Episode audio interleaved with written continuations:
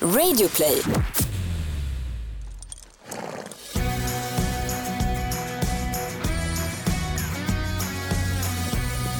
Välkomna till ännu ett avsnitt av Ridklubben med mig som heter Gry. Och mig som heter Rebecka. Och nu sitter vi faktiskt i Rebeckas sadelkammare. Exakt.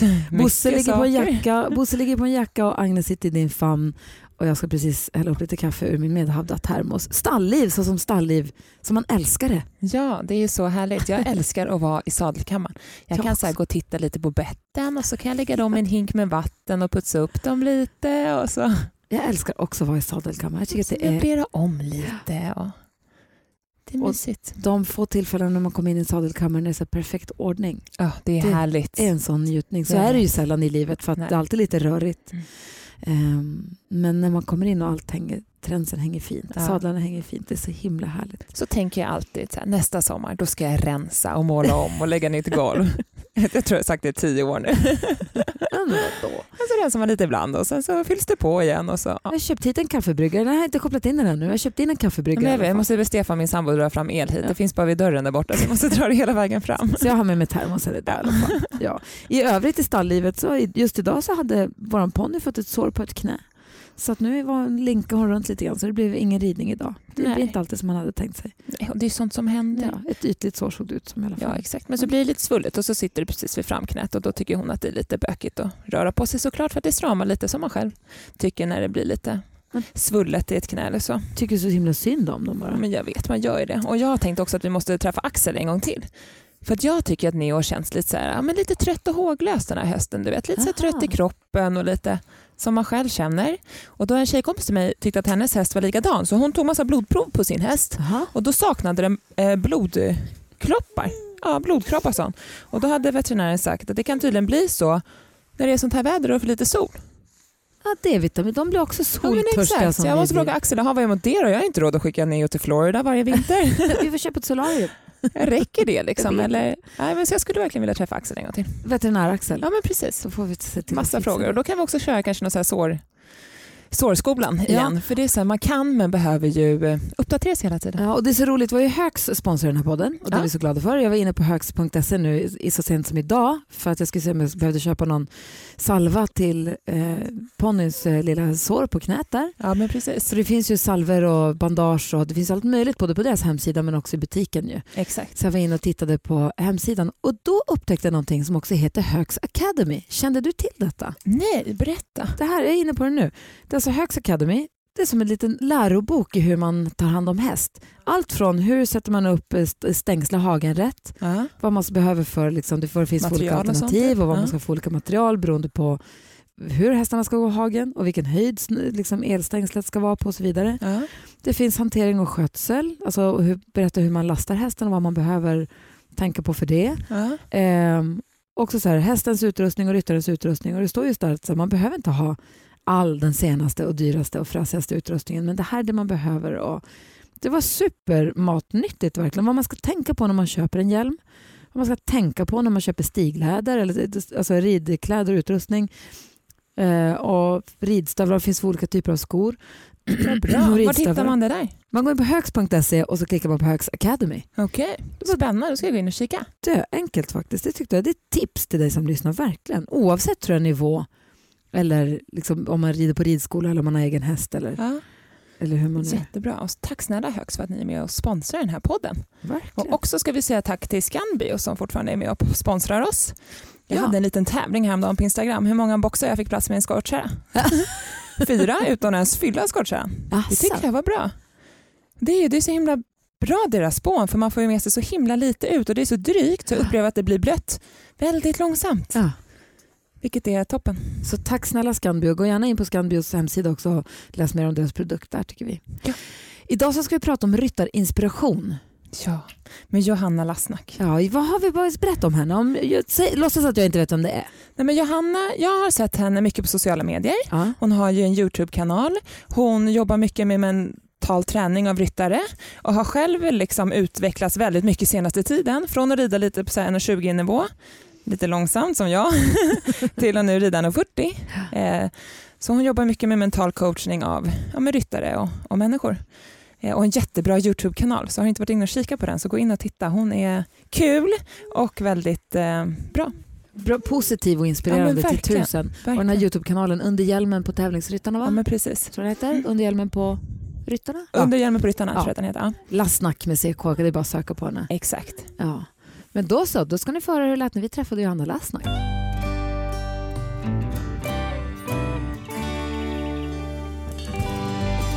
Hur mycket häst kan man prata egentligen Johanna? Alltså inte för mycket va? det går inte, no limit på den.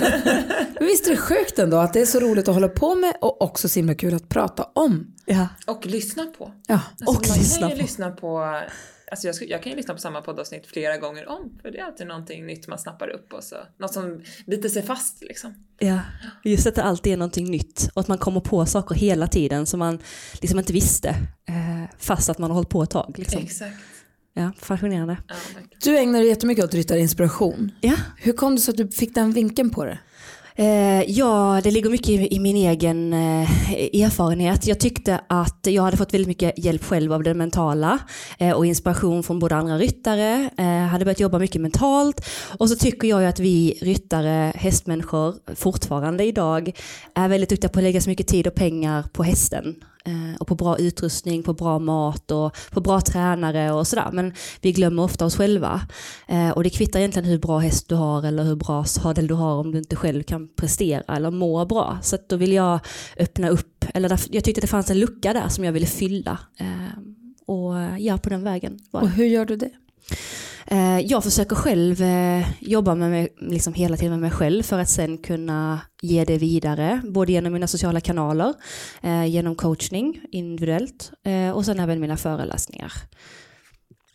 Och har du, det, när, du har, när du har dina coachningar till exempel, föreläsningar förstår jag, men när du har dina coachningar, har du då eh, elever eller vad man ska säga, säger man så? Mm, adepta elever, ja. Ja, som du följer under en längre tid eller hur lägger ni upp jobbet då? Mm, det gör vi. Eh, första tiden man kommer så jobbar man rätt så intensivt. Så jag brukar jobba rätt intensivt ett halvår. För det tar rätt så lång tid innan man kommer in i systemet och i tänket och sådär. Sen är ju alltid tanken att de ska kunna coacha sig själva i slutändan. För då, det är det som är mitt mål, att de inte ska behöva mig. Eh, men sen är det många jag har kontakt med som jag har jobbat med i tre år som ringer någon gång ibland och kanske två, tre gånger om året. Så att jag finns där så länge man behöver. Men helst så lite som möjligt. Och vad har du för grund? Alltså vad har du för utbildning? Ja, eh, jag är utbildad mental coach. Eh, studerar just nu till stresscoach. För jag vill jobba mycket med det. Eh, mycket egen erfarenhet. Ehm, ja, så det är väl det som... Vad tror du stressar ryttare mest? Oj, ehm, jag tror många vill prestera. Så att man vill ha gärna ehm, ja, men prestera på alla olika plan. Både i resultat men också att se bra ut och ha nya grejer och sådär. Eh, lite grann beroende på var man är i sin karriär, om man är ungdom eller vuxen. För det är också rätt så mycket skillnad på hur liksom, man, man påverkas. Men eh, vi är väldigt stressade tycker jag. Lite för stressade kring hästarna för hästarna kräver ju ett lugn och eh, det är vår uppgift att ta hand om deras stress och själva vara lugna. Eh, så det är mycket min uppgift att, att lära ut metoder för att kunna behålla sitt eget lugn. Speciellt i tävlingssammanhang som redan är ett stressat, en stressad situation där man vill prestera och det är många andra och många sitter på läktaren och ja, så ehm, mm. För i tävlingssammanhang då kan det vara nervositet och sånt och press som kan vara stress. Men jag tänker när man är i, dag, i livet i stallet. Det är mitt värsta när jag har bråttom i stallet. Alltså jag hatar det. Det är inget kul alls. Det är så otroligt härligt när man är i stallet och man inte har någon tid att passa. Utan man kan bara mocka lite, pilla lite. Det där är också en svår övergång Gry, för att man kan ju också vara 24 timmar i stallet på ett, alltså, utan problem. Det Ja. finns ju alltid någonting att göra i ett stall. Ja, ja, ja. Men sen nu har jag små, när jag var yngre och inte hade, när jag var själv, då kunde jag absolut vara i stallet flera timmar. Men nu har jag så här familj, de älskar ju inte om jag min sambo han var så här, jag, bara, jag bor gärna stallet. Han bara, jag vill inte bo nära stallet för då kommer du, jag ska bara gå upp och byta tecken. Ja. sju timmar senare. Exakt. Nej, men att åka till stallet och ta hand om hästen Ja. tar ju alltid, det tar ju tre timmar. Ja, Allt jag alltid Alltså, tre, ja, men tre timmar tar det ju alltid. Alltså, jag har verkligen försökt, så här, nu har vi bråttom, två och en halv kan man pressa det till. Ja. Men det är inget kul då. Nej. Men tre timmar tar det ju. Och då har man liksom inte gjort någonting förutom att göra precis det man ska. Ja. Ehm, Och tre timmar är rätt mycket tid om man ser på i övriga livet tycker jag. Vad, vad annat gör man i tre timmar? Knappt som man eh, sitter på restaurang, alltså sitter på restaurang med polare i tre timmar. Då är det liksom, det är en hel kväll. Alltså, Ja. förstår du, tre timmar är skitmycket. Nej, jag håller med dig. Och det är ju liksom det här att stressa. Man vill ju inte stressa men man vill vara effektiv känner jag. Ja. Istället. Alltså sitta och dricka kaffe och prata med, det är som sagt, man kan ju prata häst hur länge som helst. Ja. Men det är ju verkligen det här att vara effektiv utan att behöva stressa. För hästarna känner ju också om man blir stressad eller liksom skyndar sig med dem. Jag tänker också med ridskoleelever som kommer in till Vi har pratat om det i några tidigare avsnitt också. Tror att man pratade om det var Christian från Krusenstjerna som ju också har, ridskola och har ridskoleelever. Vi pratade om hur stressade elever är nu om man jämför med förr i tiden. Att man kommer in i sista sekunden, det är någonting med telefonen eller man ska instagramma något eller ringa någon eller smsa någon och så ska man bara slänga på sadeln och så rider man så sticker man. Att folk inte hänger i stallet på samma sätt. Upplever du det här någonting alls? Ja men det gör jag nog. Nog inte så mycket som han i och med att han är så involverad i det. Men eh, ja, det gör jag. Eh, och jag, det är också någonting jag försöker förmedla mycket när jag jobbar med mina eh, adepter. Att när man är i stallet att man faktiskt lägger tiden där. Att man försöker checka ut från telefonen. Man kan ha den för man, jag förespråkar att ha med sig mobilen ifall någonting händer. Men att man liksom inte sitter och scrollar på Instagram när man skrittar fram eller skrittar av utan att man är närvarande där. Och sen tycker jag också typ som om man kommer till en träning att det är väldigt respektlös både mot sig själv och sin häst, sina föräldrar som kanske har kört dit och mot tränaren om inte man kommer dit och är närvarande. Det vill säga att man har sovit ordentligt, man har käkat ordentligt, man har tagit hand liksom, så mycket man kan om den stressen man har, att man har försökt prioritera de sakerna som behövs och så vidare. Eh, för det blir ju egentligen bara dåligt om inte man kommer så förberedd och lugn som det går. Har du några tips. konkreta tips? För det känns ju ändå som att många idag är ju alltid på väg någonstans. Och det kan jag ju själv känna att när man är i stallet och mockar då samtidigt håller jag på att göra inköpslistan i affären i huvudet. ja men det är så lätt att det, det blir så. Livet går ju, hur ska man tänka för att när jag känner att jag står och mockar och är i affären. Men jag vill ju inte vara där, jag vill ju vara i stallet och, och mocka liksom. Ja. Jag tror det börjar lite tidigare på morgonen. Eh, Jag tror det är jätteindividuellt hur man tacklar det. Men någonting som hjälper mig väldigt mycket det är att jag på morgonen och ibland kvällen innan lägger upp en liten lista på min dag. Och förr när någon sa det till mig så var jag så "Ah, men jag kan inte sitta och skriva en lista och jag är liksom, nej det funkar inte för mig. Men det gör verkligen det, att jag får upp en helhetsbild av vad jag faktiskt ska göra. Och då kan jag skriva in en sån liten grej som att göra handelista. Och då lägger jag det innan jag åker till stallet eller från mellan mötet eller vad det nu än är. Så att jag inte står liksom i mockningen och gör det. Nej. Utan att jag planerat in allt jag behöver göra. Ehm, Så att så tror jag att man försöker planera så mycket det går. Känns som att det här med listor är ett vinnande koncept. Peder har ju också förespråkat Ja. listor. Det är dags att börja Gry. Antingen, antingen en, lista, en lista på saker som man ska förbättra. Exakt. alla sina svagheter. Precis. En lista på allt man ska hinna med för den dagen, eller som man ska göra den dagen. Och sen Jag så, gillar den. Jag tror att jag kan eh, trivas med listor faktiskt. Kan jag tapetsera något rum hemma? Så Nej men det är verkligen eh, någonting som eh, hjälper många. Och många jag hjälper, eller som jag eh, coachar och sådär, har varit väldigt främmande för just listor och har varit lite som jag är, en extremt rörig person. Alltså jag är så rörig och det är så rörigt i huvudet och runt mig och så här. Så att det är inte naturligt för mig att skriva listor. Men nu är det min trygghet. Jag klarar liksom inte, jo jag klarar mig, men det är så tryggt för mig att ha det. För då kan jag lättare ha ordning i skåpet, bara för att jag har en lista på saker jag ska göra. Jag kan lättare liksom ha ordning hemma i stolen där alla kläder brukar ligga därför att livet blir mer strukturerat på något sätt. Och jag trodde för några år sedan att det bara skulle ge mig stress att ha ordning. Ja. Men det ger mig ett lugn i därför att jag har tränat på det. du känns så himla prydlig och ordningsam. Och det är så många som säger det men jag, jag säger här nu, jag erkänner, jag är så rörig. Eh, fråga min mamma.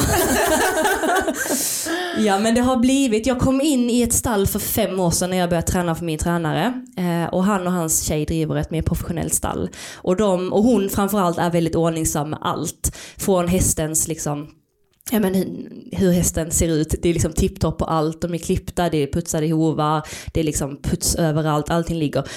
Och det har jag liksom formats in i. Att jag Men har, blir inte det stressigt då? det blev det då, gud ja. Och hon Ja. har ju fått utbrott på mig alltså.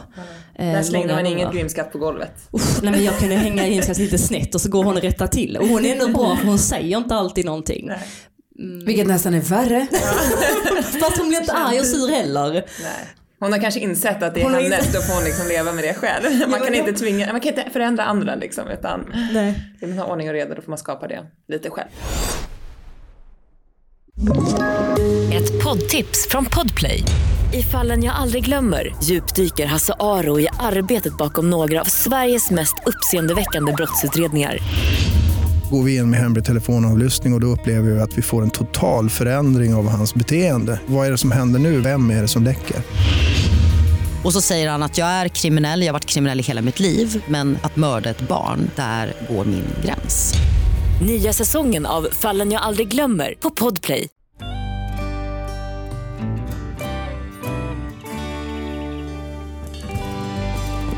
Jag tänker det här med listor då. De, listorna måste ju också varit röriga i början, eller? Det är inte så lätt att bara skriva en lista och börja strukturera upp saker från att vara rörigt till att så här, så nu ska jag ha struktur. Då bara, ha, gå upp på morgonen, jag ska borsta tänderna. Andas. Ehm,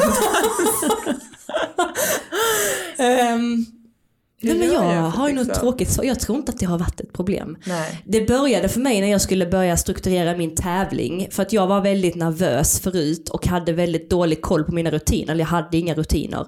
Idag är rutinerna min trygghet. Men då kunde jag, lite så som du eh, sa innan med listorna, att då börjar jag nerifrån. Så här, okej, behöver vara på tävling klockan två till exempel. Okej, då behöver jag åka klockan 12. Då lastar jag kvart i 12. Då ska hästen vara klar halv 12. Okej, men då ska jag liksom vara i stallet klockan 9. Okej, men då måste jag åka till stallet halv 9.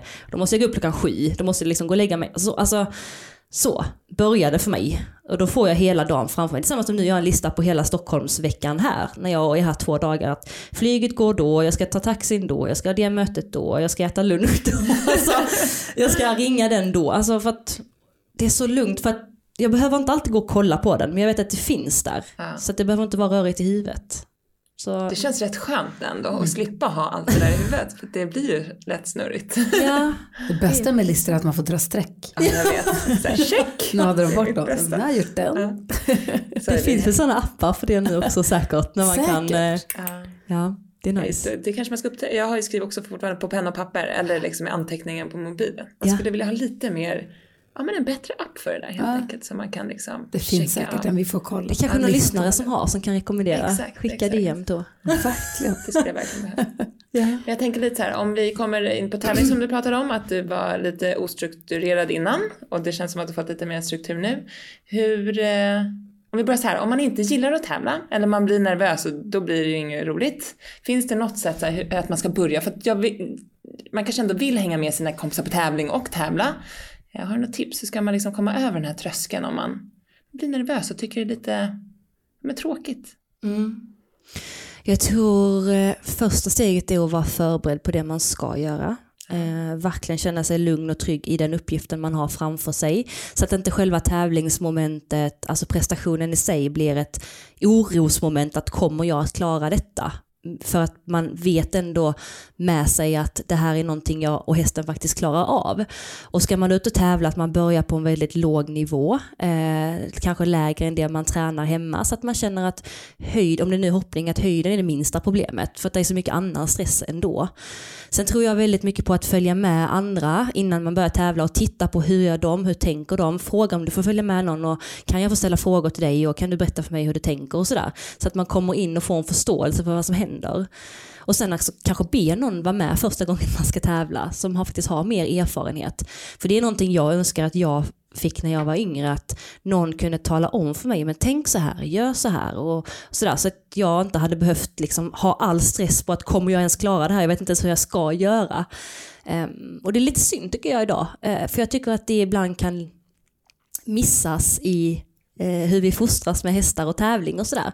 Att tränarna är ofta väldigt grymma, duktiga och så hemma och sådär men man får kanske inte hjälp på tävling och hur man ska tänka på en framhoppning, bara en sån sak, och, eller hur man ska tänka på när man går banan. Um, För jag tänker på Rebecka tränar och tävlar i hästen som jag äger. Aha, ja. Eh, och de är jätteduktiga. Mm. Och då tränar du hemma för jätteduktiga tränare. Men när du åker iväg och tävlar så är du ju ensam. Ibland följer jag med som groom, men du är ju ensam. Du åker ju ensam till tävlingarna Ja. ibland. Ja. Det kan inte vara bra. Nej. Nej. Nej, jag vet. Nej, jag vet. Jag vet, det där är verkligen en, för nu, innan så har jag ju tävlat lite mer på hobbynivå, kanske mer unghästar och så här, och där känner jag mig ganska trygg. Eller liksom, då är det ju mer för hästarnas skull. Jag egentligen åker iväg och tävlar och kanske inte så mycket för min egen utveckling eller att jag vill vinna utan då gör man det mer för, ja, man ska utbilda hästen. Men nu när jag har fått en jättefin häst som jag rider, som är gris, eh, då vill jag ju så här, ta vara på det och kanske bli lite bättre själv och jag skulle vilja börja vinna och liksom så. Och då känner jag det är något som saknas. Man behöver, jag skulle behöva ha en, en tränare med mig som jag vet ju hur jag ska hoppa för, alltså jag vet ju, men jag vet inte hur jag ska bli snabbare och hur jag liksom, ja men hur jag ska kunna bli bättre liksom. Ja men exakt. Så det tror jag, men jag tror också svårt. Har med sig, hitta någon som kan följa med ut, som Det man känns litar som- på. Ja men sen är jag också lite dålig på att be om hjälp. Ja men det är man ju. Hur ska jag bli bättre på att be om hjälp? Det är också Johanna, lös det här nu. lätt för mig. Fa- Och men det, faktiskt, jag vet inte om det här kan hjälpa dig, men jag är likadan i grund och botten. Men jag måste nog ändå säga att jag har blivit bättre.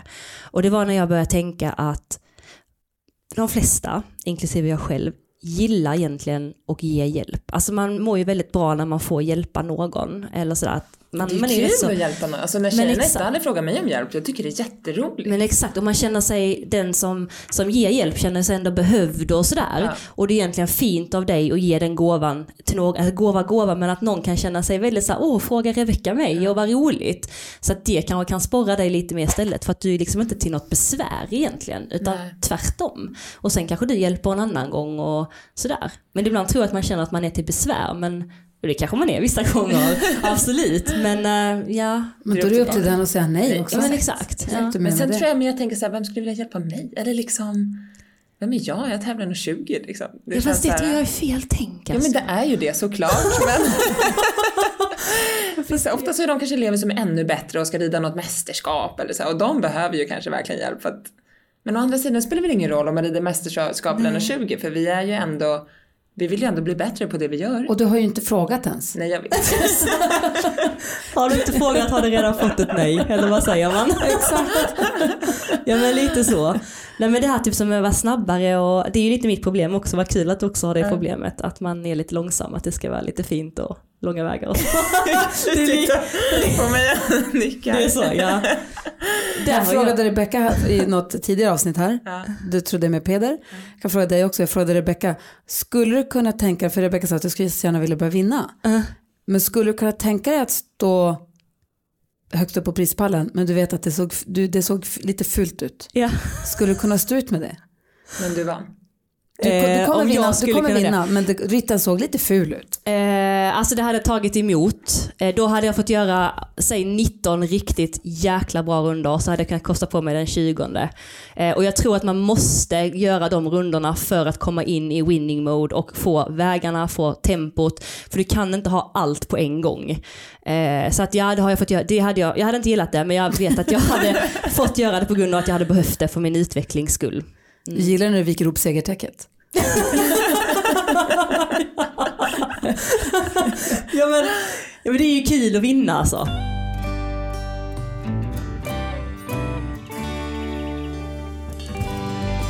Hur gör vi då för att vi ska bli snabbare Johanna? Ja, just det. Har du för tips? Eh, ja, men så- nu måste jag suga i mig allt här så att jag kanske kan börja vinna lite. Skyll på mig annars.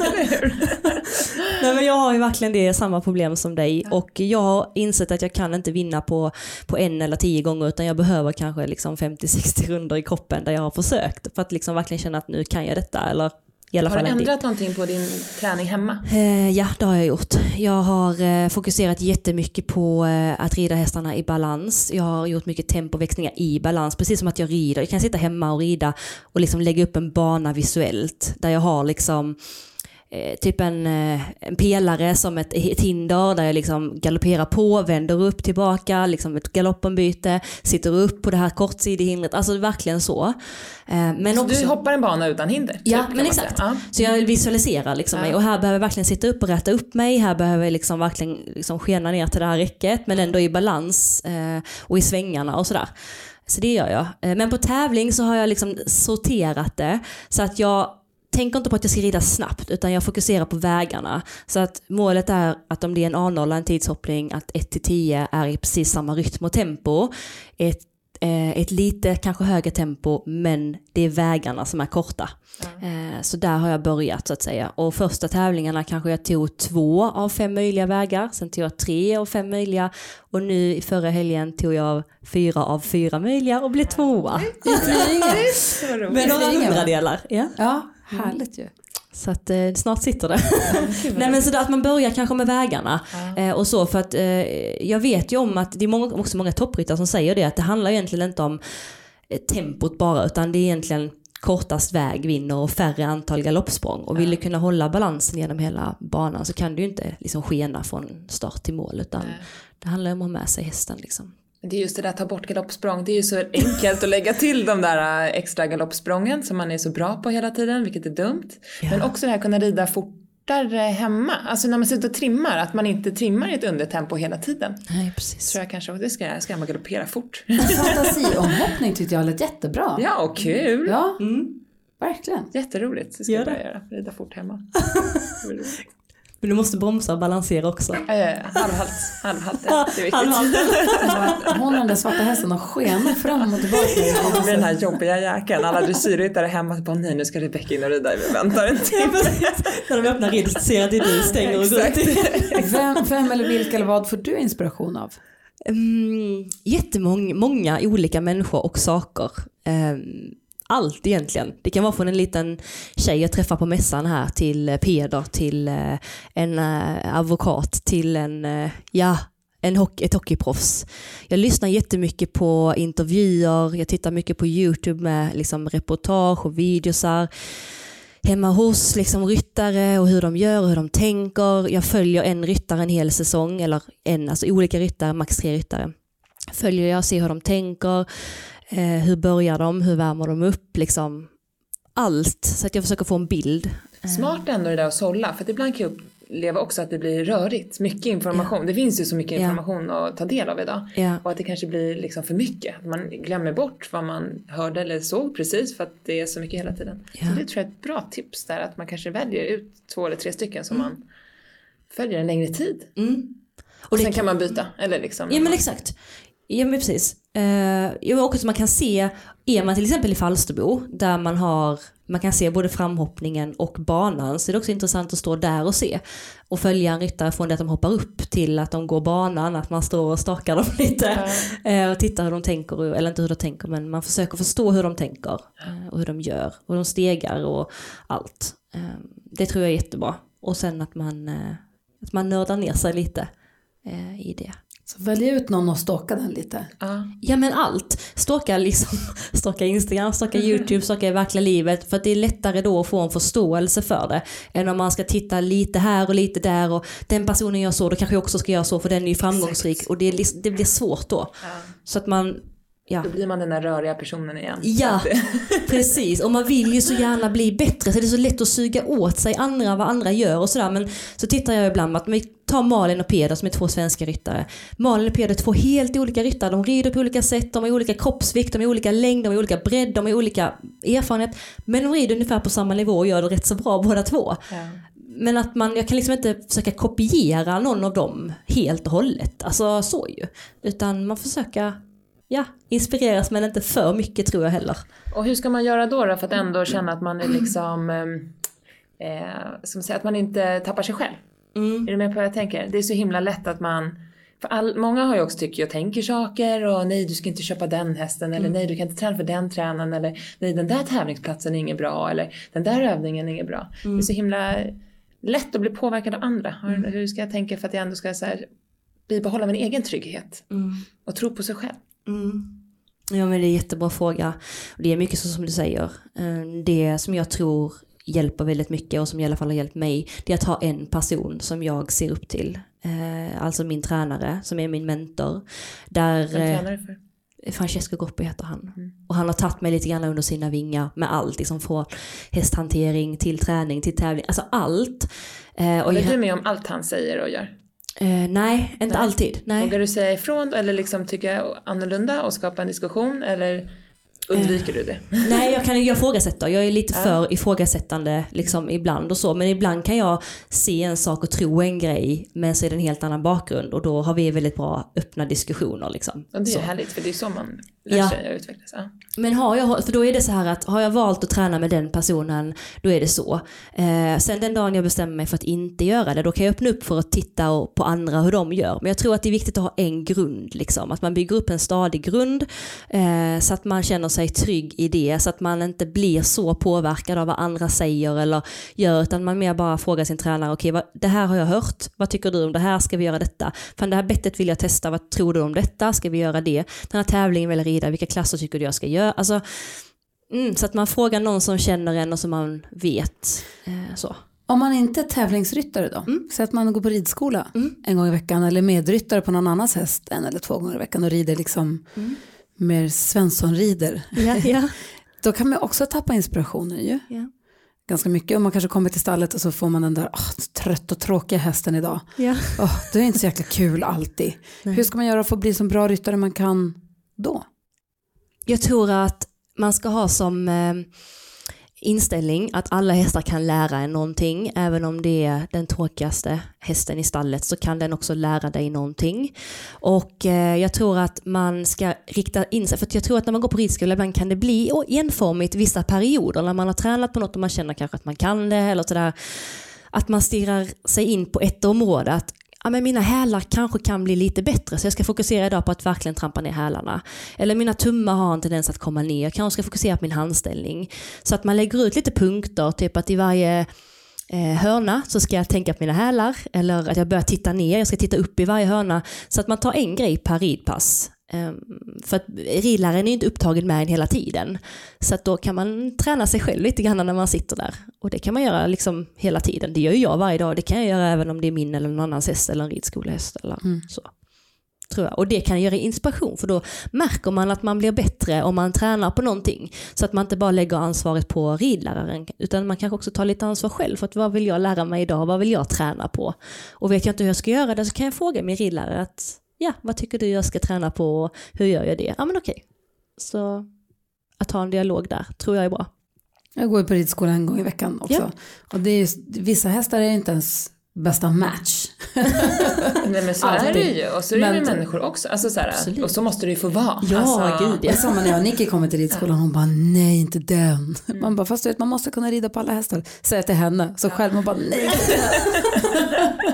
Fast så finns det de som är superhärliga förstås. Alltså, de flesta är ju toppen. Men, men det är alltid någon som inte. Det, hästen behöver inte vara dålig för det. Det är bara att man inte riktigt passar ihop Ja. med alla hästarna. Men så Absolut. är det ju. Då får man ju bara inte hänga upp sig på att sitta och tycka att man är kass. Bara för det. Absolut ju. Absolut. Och där tror jag mycket man kan jobba med sin egen inställning hela tiden. Alltså till exempel som att jag inte tycker att jag är tillräckligt snabb. Det är också en dålig inställning att jag, jag säger till mig själv att jag är långsam hela tiden. Det är klart som tusan att jag är långsam. Och Eller du liksom- tillåter dig vara det. Liksom. Ja, eller det bara känns som att det är så mycket man skulle kunna liksom ja, men bli lite bättre på att peppa sig själv istället för att Men är det att du är trygg i liksom. det? Är du trygg i den långsamma ryttaren? ja men gud jag rider så tjusigt ut i Ja. Och det är det som är problemet. För grejen är att det är så lätt också för dig att ta den tryggheten då. Ja. Och bara jag är långsam. Men grejen är så att hade du nästa tävling tagit en sväng som är lite utanför din comfort zone. Ja. Så hade du varit lite snabbare, en lite snabbare ryttare än vad du var igår. Ja. Så då är inte det ett argument längre att du är en långsam ryttare. För Nej. att då jobbar du mot vet. bättre. Är du med? En sväng i taget Beckis. En sväng i taget. Och grejen är att det kommer, jag tror också det är viktigt när man ska göra nya grejer, om det är så att ta en sväng, eller det är att börja korta tyglarna, eller det är att länga stigbyglarna eller någonting, så kommer det kännas för jävligt i början. Exakt. Därför När att man man ska utanför den här Ja. bekvämlighetszonen, det är inte härligt. Men man måste bara göra det, för att gör man det och gör man det så kommer man till en punkt där det blir bekvämt. Och det måste, man måste hålla ut på den punkten. Eh, och ibland så ser, känns det värre än vad det ser ut också. Eh, och när man ska lära sig något nytt, något som hjälpt mig jättemycket, det är att som jag skulle lära mig att rida med lite högre händer. Det var jätte, jättejobbigt för mig och det kändes fruktansvärt jobbigt. Men att jag försökte ta känslan jag hade av det och lägga det i en liten box och glömma känslan och mer bara vara lite matematiker och bara okej, jag ska ha tyglarna på den här noten, de ska vara ungefär i den här höjden och så bara gör jag det. Beroende, oberoende på hur det känns. Så att det blir ett system för mig. Och sen när jag har lärt mig det, då kan jag koppla på min känsla och börja känna igen. Så att jag tror att det, man kan inte ha både känslan och en ny grej samtidigt. Utan man måste koppla bort känslan, göra det och sen kan man koppla på känslan igen. För det är ju känslan man rider med, man behöver ju sin känsla. Exakt, och det är ofta så när man gör någonting som inte känns bekvämt eller när man liksom utmanar sig själv då känns det som att det ser för jävligt Ja. alltså, du vet. Men då är, det var ju världens bästa Ja, tips. Lägg bort den känslan Verkligen. då. Bara låt det kännas så. Då får det kännas så ett tag för jag Ja. måste bara träna på det eller liksom så att den känslan blir den rätta känslan. Det är väl kanske mer. Exakt. Samma typ så, men när man ska lära sig ha större galopp typ på banan och så. Eh, det är också någonting, jag alltid börjat under tempo och bara mm, ett till, ett till, ett till, ett till. Eh, men då har jag typ som en speedmätare som jag tänker visuellt framför mig. Och så är det liksom grönt längst till vänster och så rött längst till höger. Och så har jag en sån här Ja, men typ som att en, en bil har en hastighetsmätare.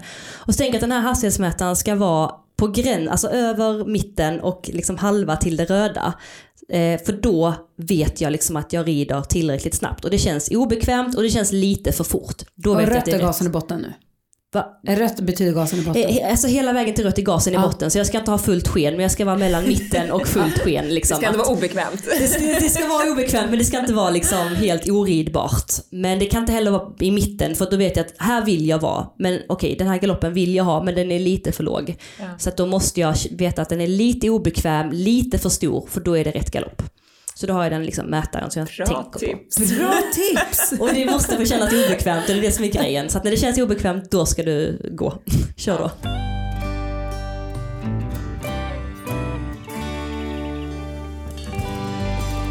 Vi har fått en lyssnarfråga också av Ylva.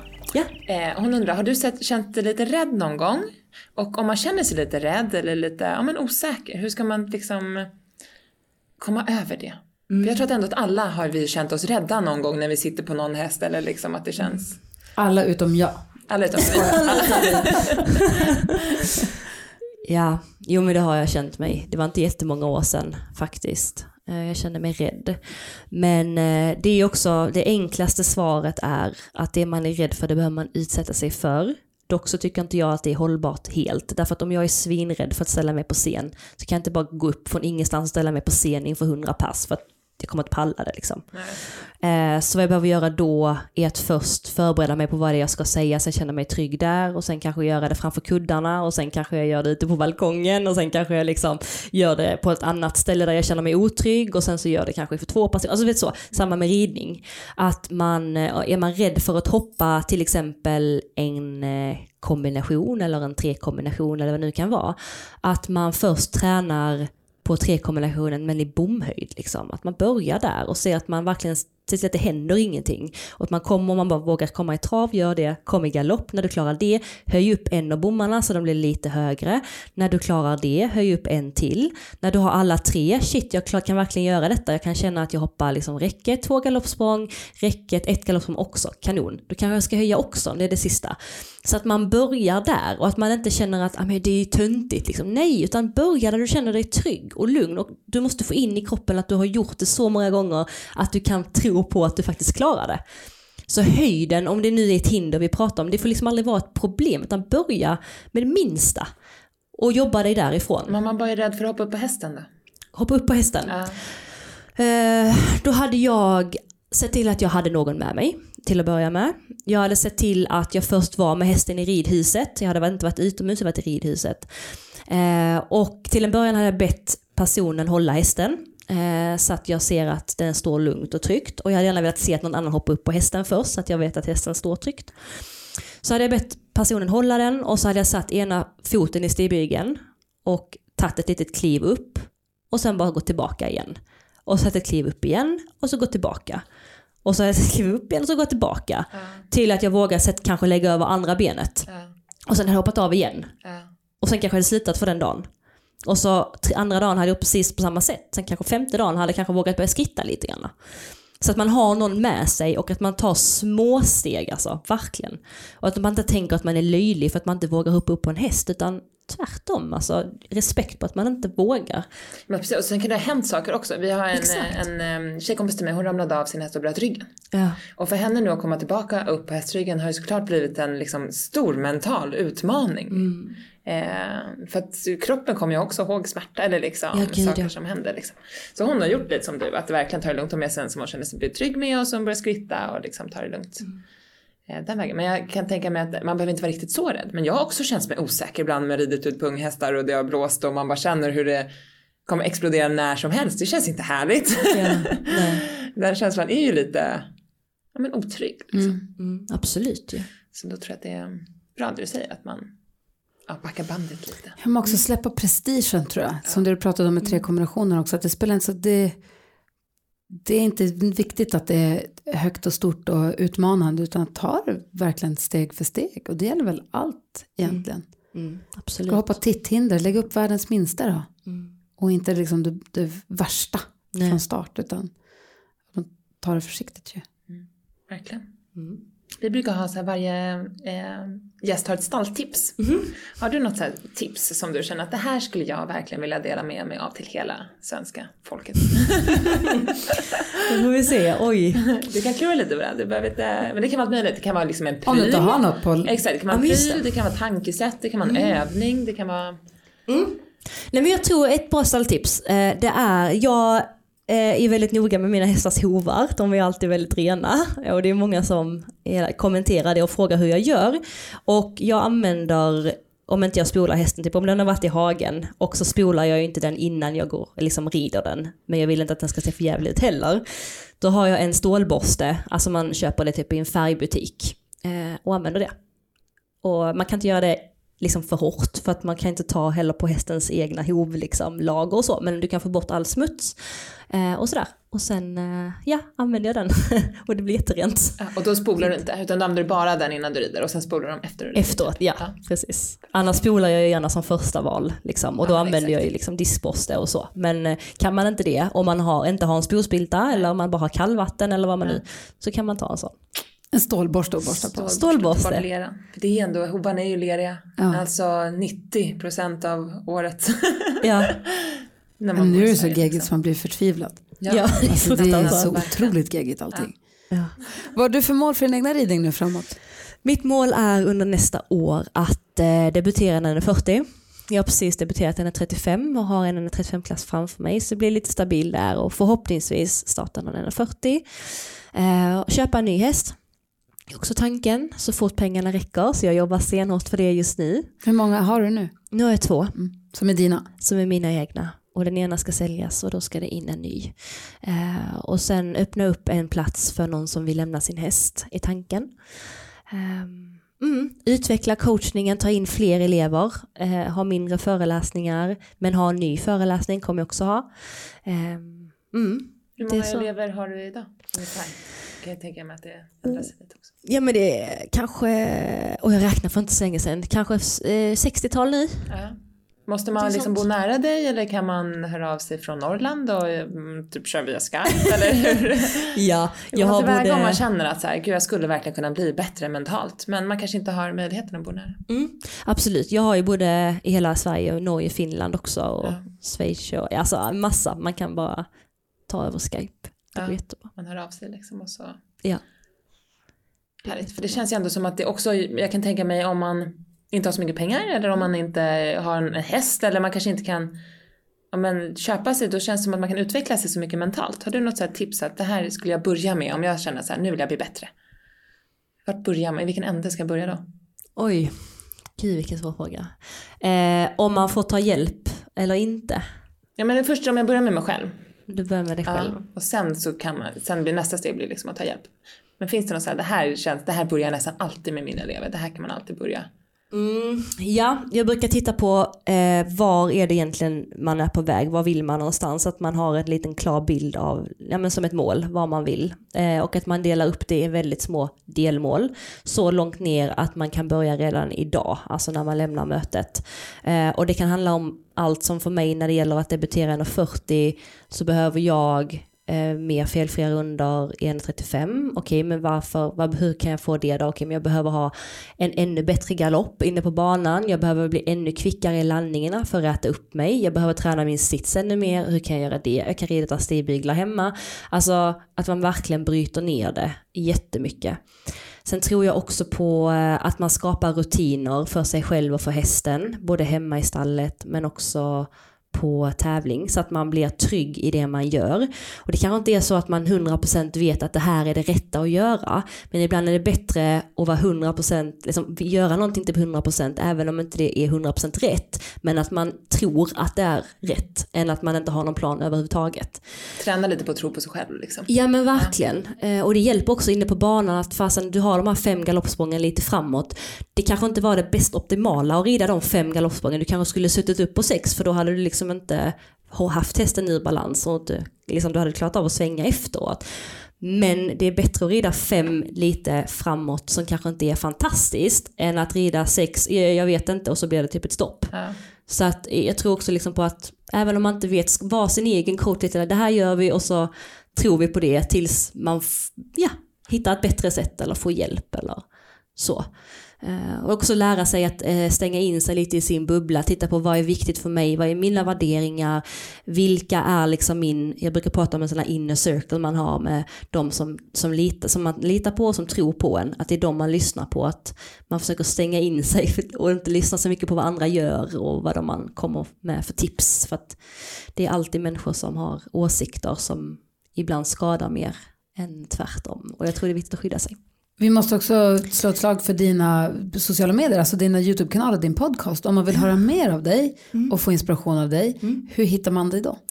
Man kan följa mig på Instagram, Johanna Lassnack heter jag där. Eh, Youtuben är inte 100% aktiv, men Johanna Lassnack heter jag där. Pod Podcasten heter En mental halvhalt och eh, det finns två säsonger ute och kommer antagligen en tredje nästa år. Ja, perfekt. Så eh, ja, Och det där är ju tids, vad heter, tidlöst, det kan man ju lyssna på även om det är två säsonger som ligger redan ute. De kan man ju lyssna, eh, alltså, lyssna bakåt på. gud ja, Det är det som är så himla bra. Man kan lyssna, och som du säger, man kan lyssna flera gånger. Precis, det är Ja. alltid något nytt som trillar ner. Rebecka säger alltid, jag lyssnar alltid på alla avsnitt tre gånger. Ja, det, man alltså. lär sig någonting nytt varje gång. Det är superhärligt. Ja. Eller så är det bara jag som är rörig i huvudet och inte kan höra Nej men jag tror det är bra, för det är som du säger, alltså, man bara sa de här det förra gången jag lyssnade. Men det gjorde de uppenbarligen, men man har inte snappat upp det för tankarna var kanske på det de sa innan. Så att det är jättebra att lyssna två, tre gånger. Det, det är bara tips tycker jag, till, till lyssnarna. Det tycker jag är så kul när man är i stallet ibland. Man hör hur folk har på någon podd Ja, på högtalaren eller man sätter antingen att de har hörlurar i eller att det, att det ligger någon, telefon i krubban medan de ja, mockar. så hör man hur de så här, maler på om någonting. Ja.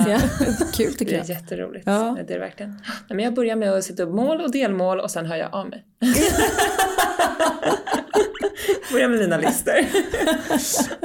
Ja, Nej, men exakt, jag tror också att göra en liten lista igen. Nej, men att man tänker vad, vad vet jag med mig är mina styrkor idag, i dagens läge eh, och eh, vad är mina svagheter och lägga upp lite en plan på vad kommer mina styrkor verkligen till nytta liksom att man verkligen spetsar upp dem ännu mer. Bara fan jag är jäkligt snabb ryttare men jag kanske är väldigt oordningsam. Okej då kanske jag ska lägga mer krut där men jag vet att jag fasen är snabb där det gäller. Typ. Eh, så att man vet sina styrkor och sina svagheter var man ska jobba.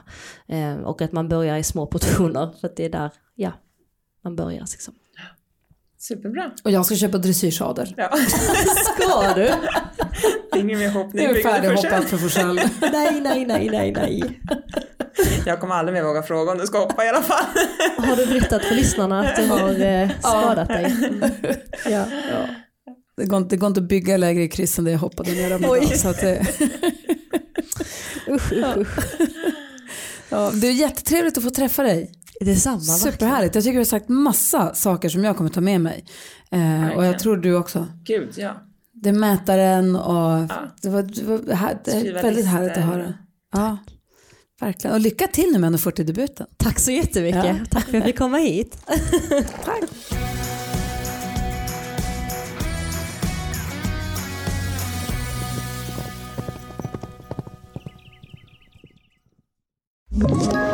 Ett poddtips från Podplay. I fallen jag aldrig glömmer djupdyker Hasse Aro i arbetet bakom några av Sveriges mest uppseendeväckande brottsutredningar.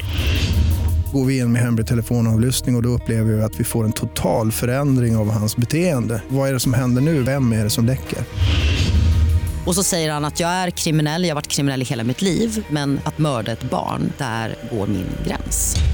Nya säsongen av Fallen jag aldrig glömmer på Podplay.